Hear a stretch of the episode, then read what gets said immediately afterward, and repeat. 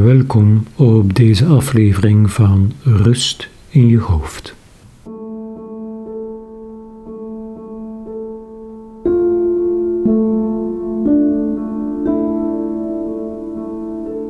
Ik zou je willen uitnodigen om dat arme hoofd even tot rust te laten komen door de knop om te draaien en op te gaan in een natuurlijke beleving, een flowervaring van de natuur, waardoor denk- en piekerprocessen naar de achtergrond verschuiven en het hoofd tot rust kan komen. We doen dat op twee manieren, een lichamelijke en een mentale. De eerste wordt ontlokt door relaxatietechnieken of meditatie. De tweede gebeurt door te luisteren naar en vooral op te gaan in een verhaal. We beginnen dit keer met een sensorische relaxatie en vervolgens met de suggesties van enkele natuurminnende schrijvers. Hun woorden zijn de landingsbanen in de tuinen, bossen, bomen en wolken die ons omgeven en waar het goed vertoeven is om het hoofd tot rust te laten komen. Maak het je makkelijk en sluit je mooie ogen. Adem een paar keer diep in en langzaam weer uit. En ga eens na of dat je je aangenaam zwaar kunt voelen.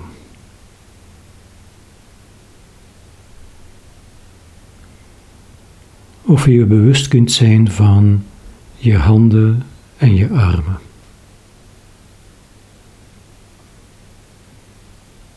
Of je voelen kunt dat een van je armen nog wat minder ontspannen is dan de ander.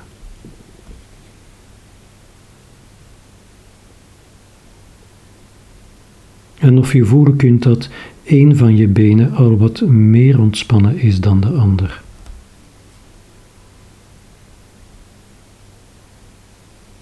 En of je je de afstand voor kunt stellen van het topje van je hoofd tot het puntje van je kin.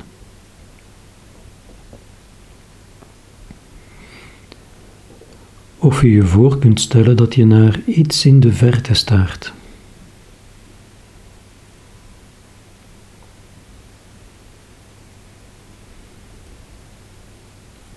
Of je nog wat spanning kunt voelen verdwijnen terwijl je uitademt.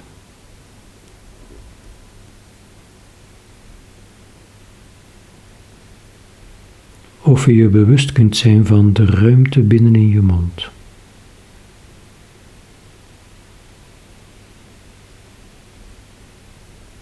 Of je een warme sensatie kunt voelen ergens in jouw lichaam.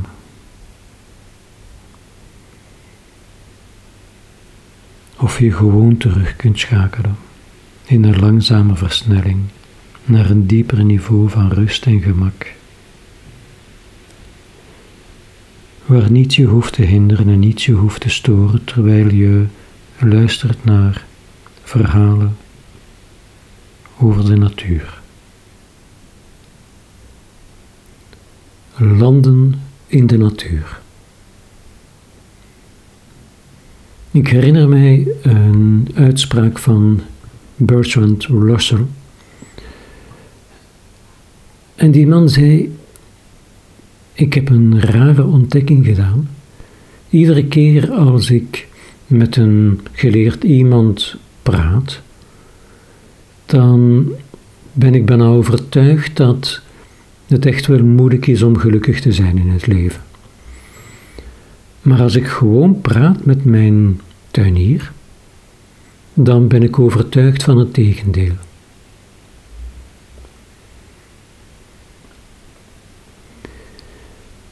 Wat ik zelf heb ervaren, is dat een van de leukste manieren om je dag te beginnen dat is gewoon even in je tuin lopen als je die hebt, of een park in jouw buurt. En je ogen, oren en mogelijk ook je vingers de kost te geven en nieuwsgierig te zijn naar wat er vandaag weer nieuw is, naar wat er veranderd is ten opzichte van gisteren.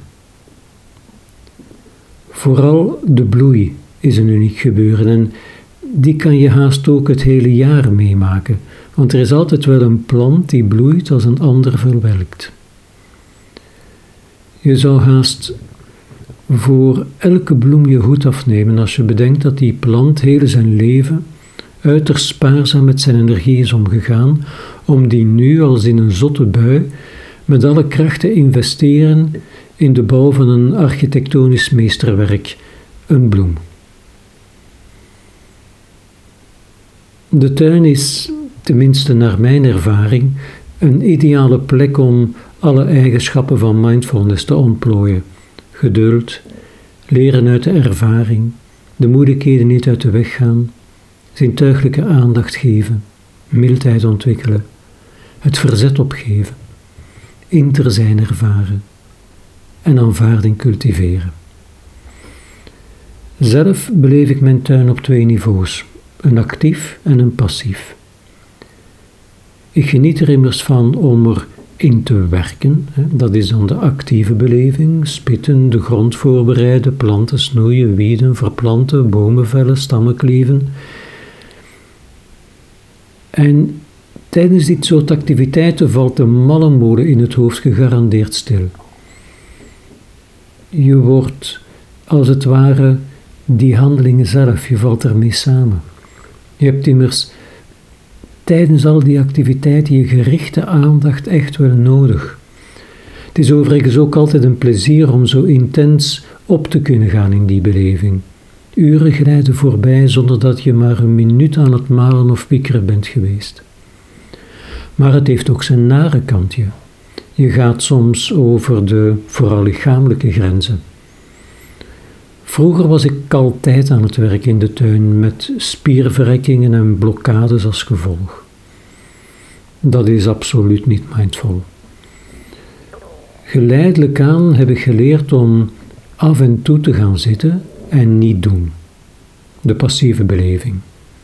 Ergens rustig gaan zitten en de ontvankelijkheid toelaten voor de visuele prikkels, de geluiden, de geuren.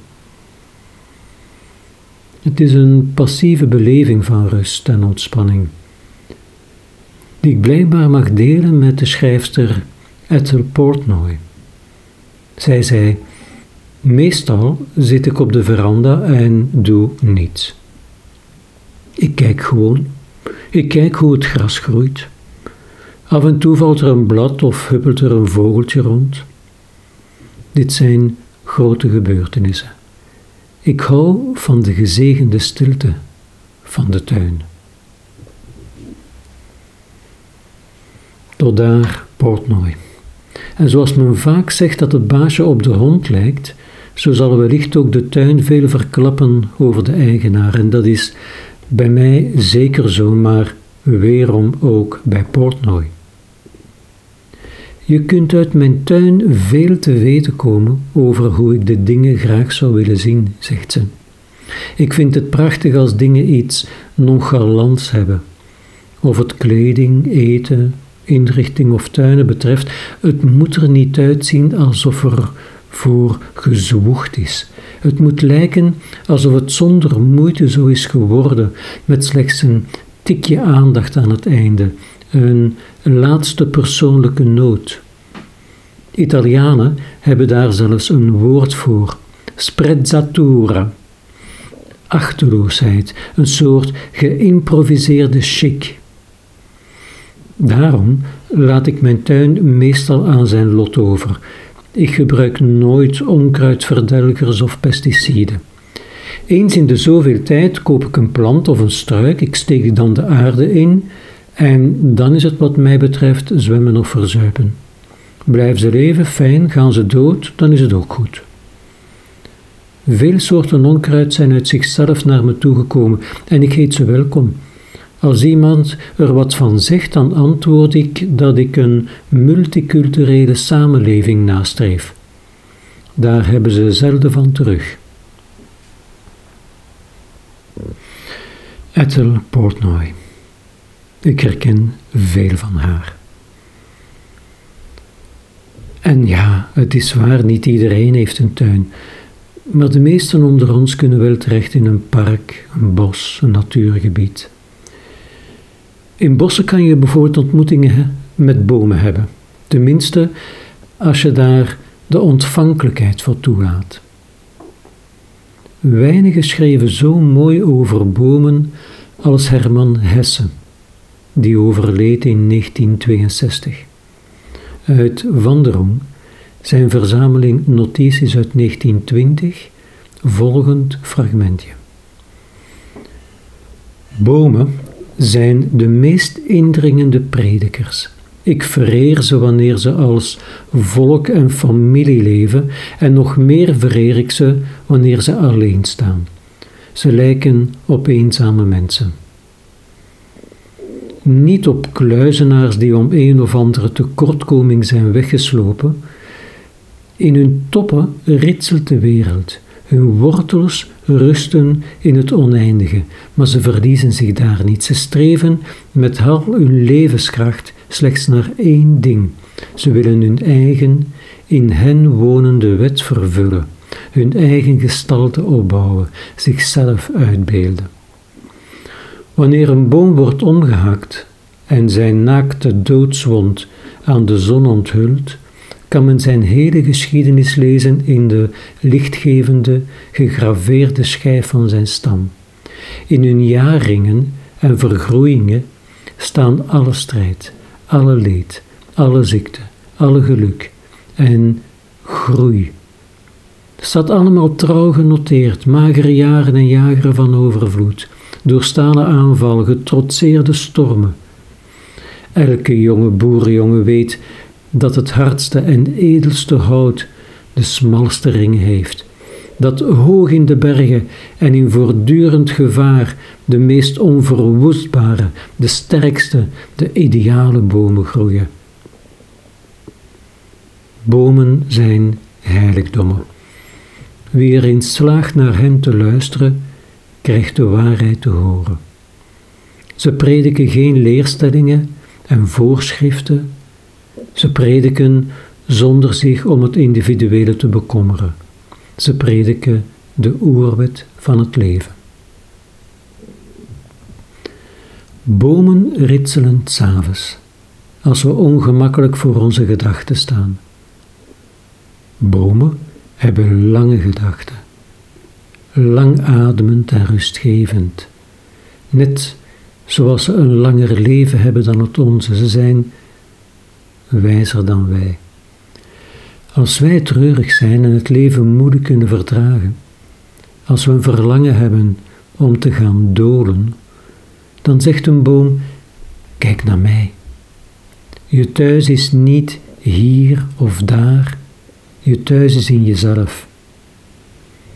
Wanneer we geleerd hebben naar bomen te luisteren, dan krijgt juist het kortstondige en snelle de kinderlijke haast van onze gedachten, een ongeëvenaardige blijmoedigheid. Wie geleerd heeft naar bomen te luisteren, wil niets anders zijn dan wat hij is. Wil ook geen boom zijn. Hij wil zijn wat hij is. Dat is thuis zijn. Dat is gelukkig zijn. Tot zover Hesse in de wandeling. De natuur verruimt onze kijk op de dingen. Hij leert ons om de gewoontebril af te zetten en anders te kijken naar de mensen, de dingen, het leven. En hoe ongetemper de natuur, hoe dieper en verrijkender de lessen. Een fragmentje uit Clarissa Pincola Estes, de ontembare vrouw.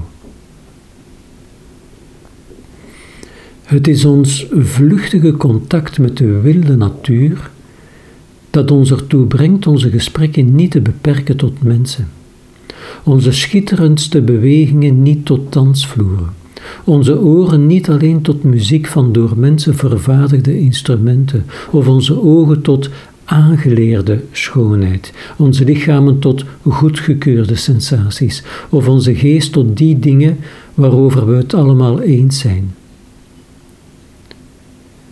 Verhalen schenken ons het mes van inzicht, de vlam van hartstochtelijk leven, de adem om te uiten wat we weten, de moed te verdragen wat we zien zonder onze blik af te wenden, de zoete geurigheid van de witte, wilde ziel. Verhalen van de natuur.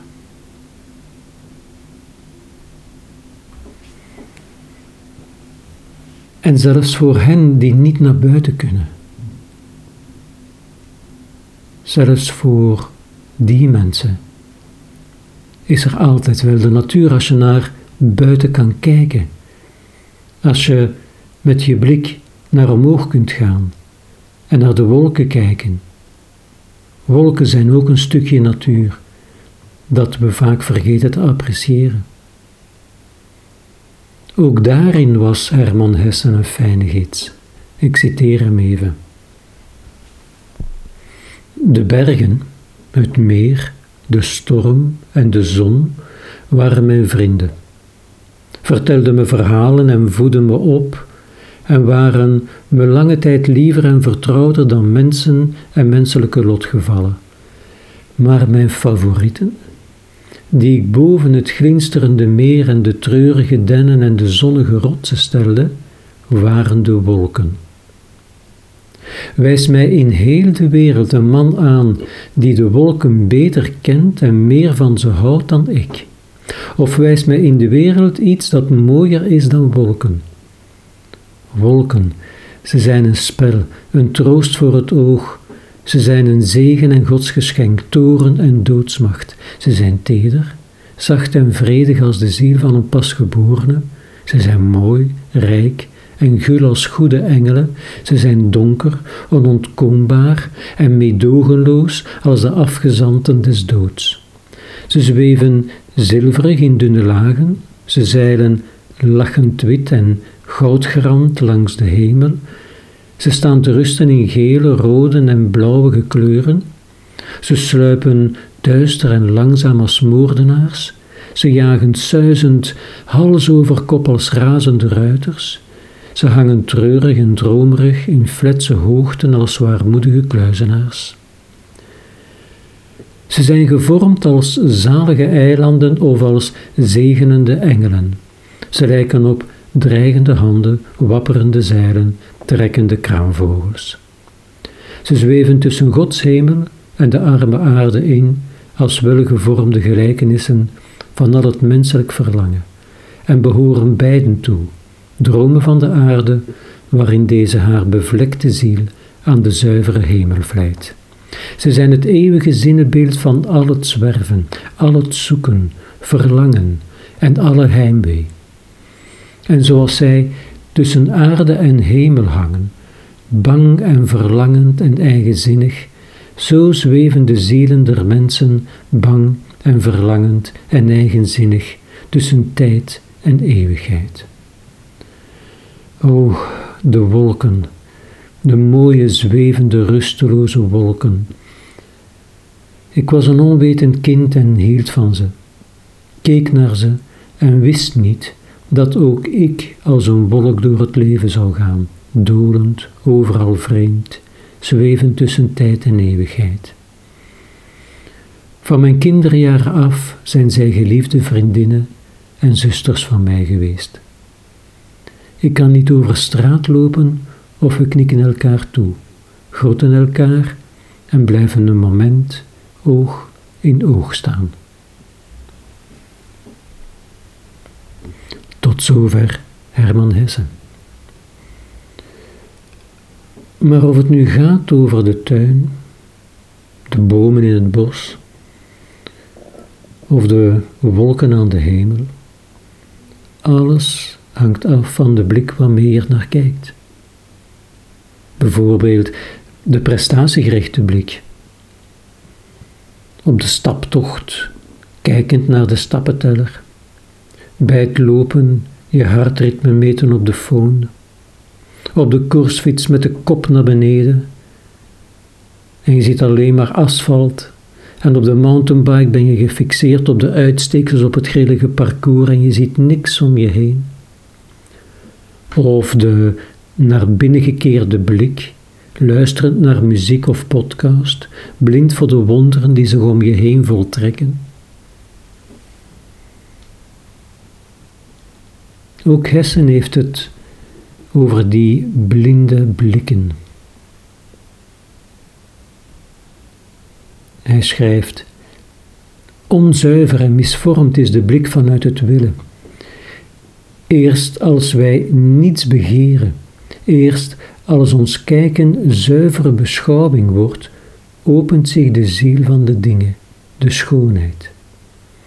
Wanneer ik een bos bekijk dat ik kopen kan, pachten, omhakken, jagen, dan zie ik niet het bos, maar alleen alles wat met mijn willen, met mijn plannen en zorgen, met mijn portemonnee te maken heeft. Dan bestaat het uit hout, het is jong of oud, gezond of ziek. Wanneer ik er niets van wil en maar gedachteloos diep in het groen staar, dan pas is het bos, dan pas is het natuur en gewas, dan pas is het mooi. Zo is het met de mensen en hun gezichten ook. De mens die ik met vrees, met hoop, met begeerte, met bedoelingen, met eisen aankijk, is niet een mens.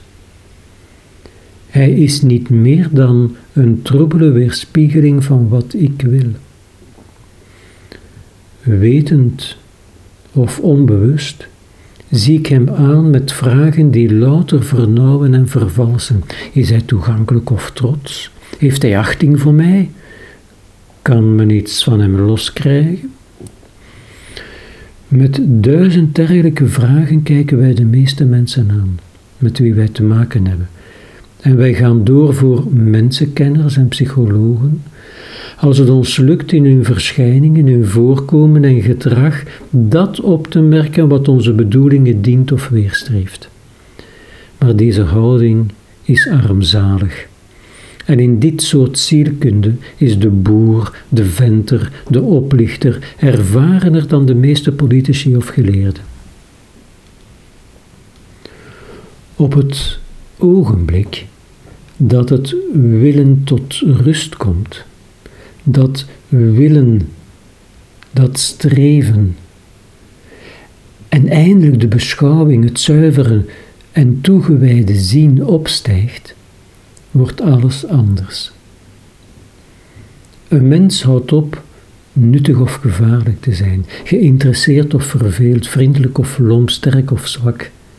Hij wordt weer natuur. Hij wordt mooi en opmerkelijk, evenals ieder ding waarop de zuivere beschouwing zich richt. Want beschouwing is immers niet onderzoek of kritiek, zij is niets dan liefde. Zij is de hoogste en de meeste wensen toestand van onze ziel. Liefde zonder begeerte.